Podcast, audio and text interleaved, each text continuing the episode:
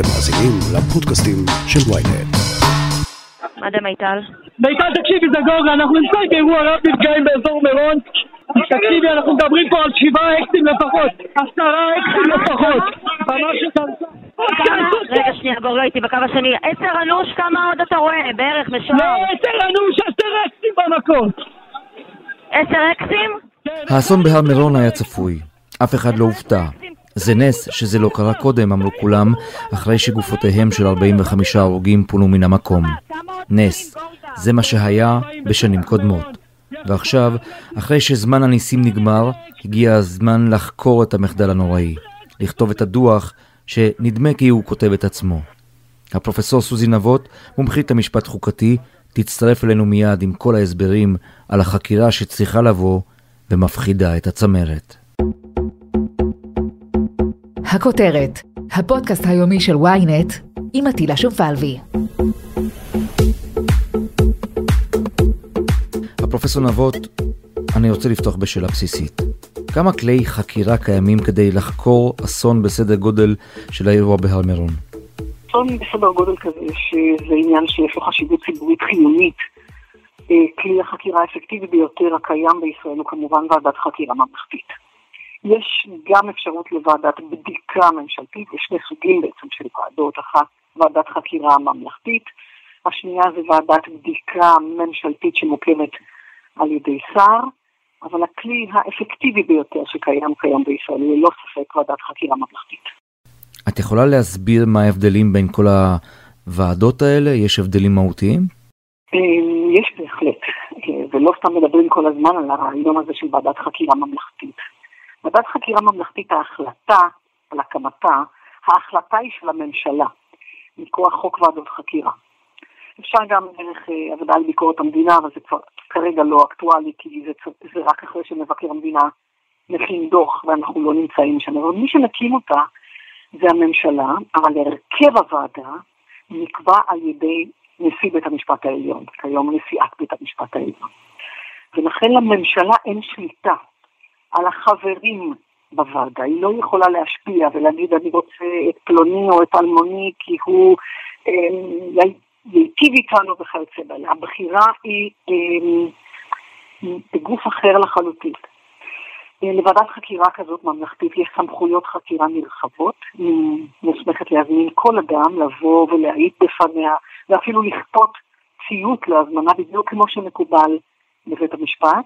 אגב, נשיא בית המשפט העליון, נשיאת בית המשפט העליון, היא יכולה גם להחליט שהיא תשב בראשות הוועדה, או שופט אחר של בית המשפט העליון, בדרך כלל זה בראשות שופט, ובדרך כלל בראשות שופט של בית המשפט העליון. אמ, ועדת חקירה, לאחר שהיא מסיימת, היא מפרסמת את הדין וחשבון שלה אה, לאחר שהיא מגישה אותו לממשלה, ולהמלצות שלה יש משקל מיוחד, במיוחד בהתחשב בזה שמדובר בגוף ממלכתי, שהוא אובייקטיבי, הוא מקצועי.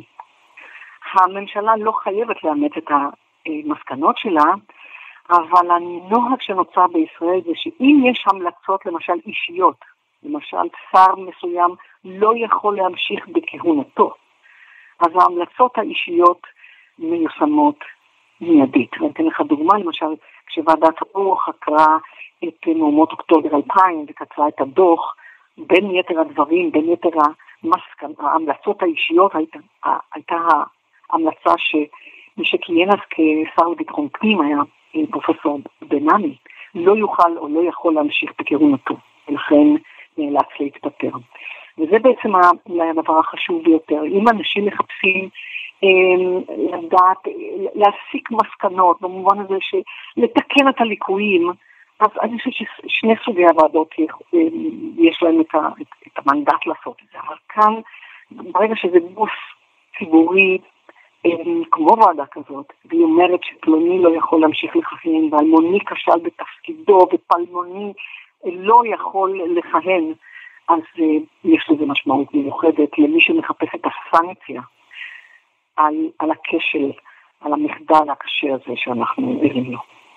פרופסור נבות, אני הולך לרגע לסוגיית הקמת הוועדה, כי נדמה שעל כל אירוע כאן דורשים בצורה כמעט פבלובית להקים ועדה.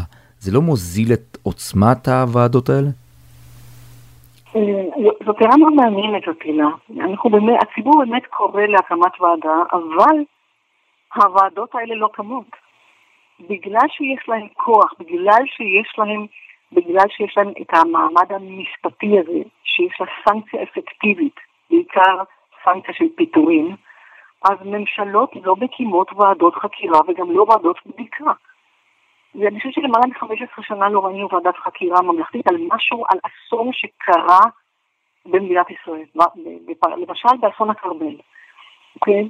שגם שם נספו עשרות אה, אנשים. לא הוקמה ועדה. הייתה בקשה להקים ועדת חקירה ממלכתית, לא הוקמה. הייתה בקשה, הייתה פנייה של הציבור להקים ועדת בדיקה ממשלתית, שיש לה גם סמכויות אמ, דומות לוועדת חקירה אם מי שעומד בראשה הוא שופט של בית המשפט העליון והממשלה מאשר, שופט של בית המשפט המחוזי והממשלה מאשרת. אבל לא הוקמה ועדה, משום שהשרים חוששים, ואולי בצדק, שאם כרגע מוקמת ועדה שבוחרת את תפקידם, בסופו של יום הם ימצאו את עצמם מחוץ לממשלה.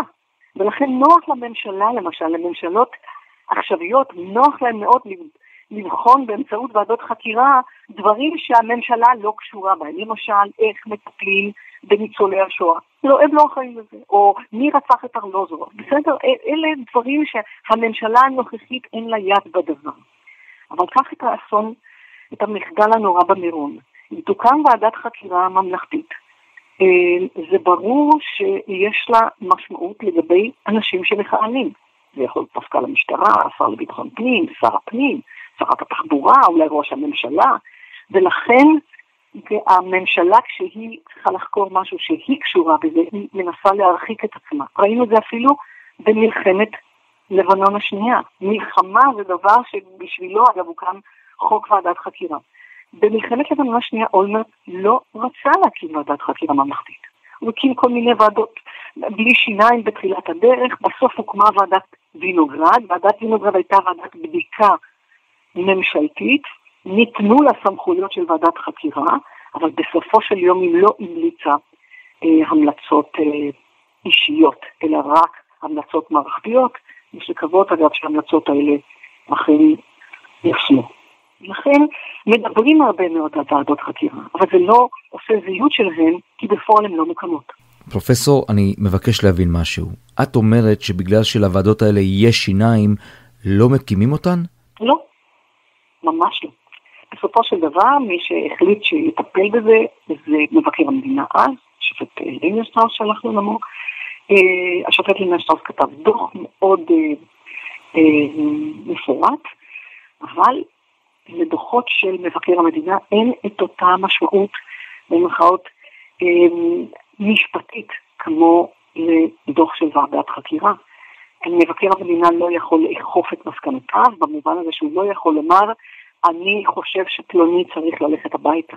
וגם אם הוא היה כותב, הוא כתב הרי דברים שמתקרבים לזה, וניסו באמצעות בג"ץ לקבוע שהדברים שנכתבו בדוח יש להם משמעות משפטית, ובית המשפט אה, סירב לאמץ את הגישה הזאת, ואמר דוח של מבקר מדינה זה משהו אחד, וועדת חקירה ממלכתית זה משהו אחר. לכן אסון הכרמל, אף אחד אגב אמ, לא לקח אחריות במובן שאנחנו נוהגים לומר בעולם. כשאומרים לקח אחריות זה לא אדם שאומר אני אחראי, זה לוקח אחריות ושם את המפתחות על השולחן. לא שלא אומרים אה, אני לוקח אחריות, אני אה, כשלתי ולכן אני נשאר לתקן את זה. לפעמים זה מה שאומרים אצלנו.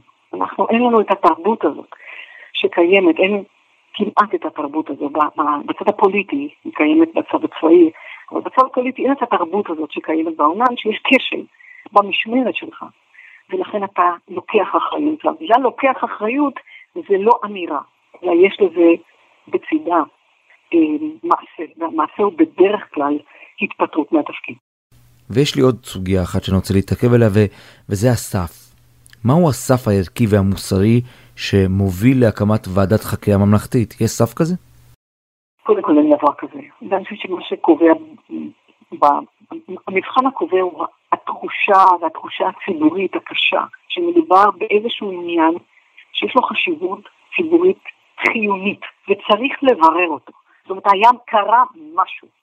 איזשהו מחדל, איזשהו כשל, משהו ברמה שעל פניו אתה רואה שזה לא דבר שצריך היה לקרות, זה לא איזה אסון טבע. זה לא שהגיע לכאן איזה טורנדו וגרם להתמוטטות של משהו שאגב לא, לא, עמוד, לא אמור בכלל לעמוד בפני אירוע מהסוג הזה. זה קרה משהו שיד אדם יש פה, והוא כשל. ולכן זה, זה לא שיש לנו איזשהו מדד, אין מדד, אבל אה, מלחמה למשל, כמו מלחמת אה, יום כיפור. אה, התחושה שהייתה לגבי מלחמת לבנון אה, השנייה, ההחלטה לצאת למלחמה, מה שקרה ב, בימים הראשונים, איך התקבלו ההחלטות האלה.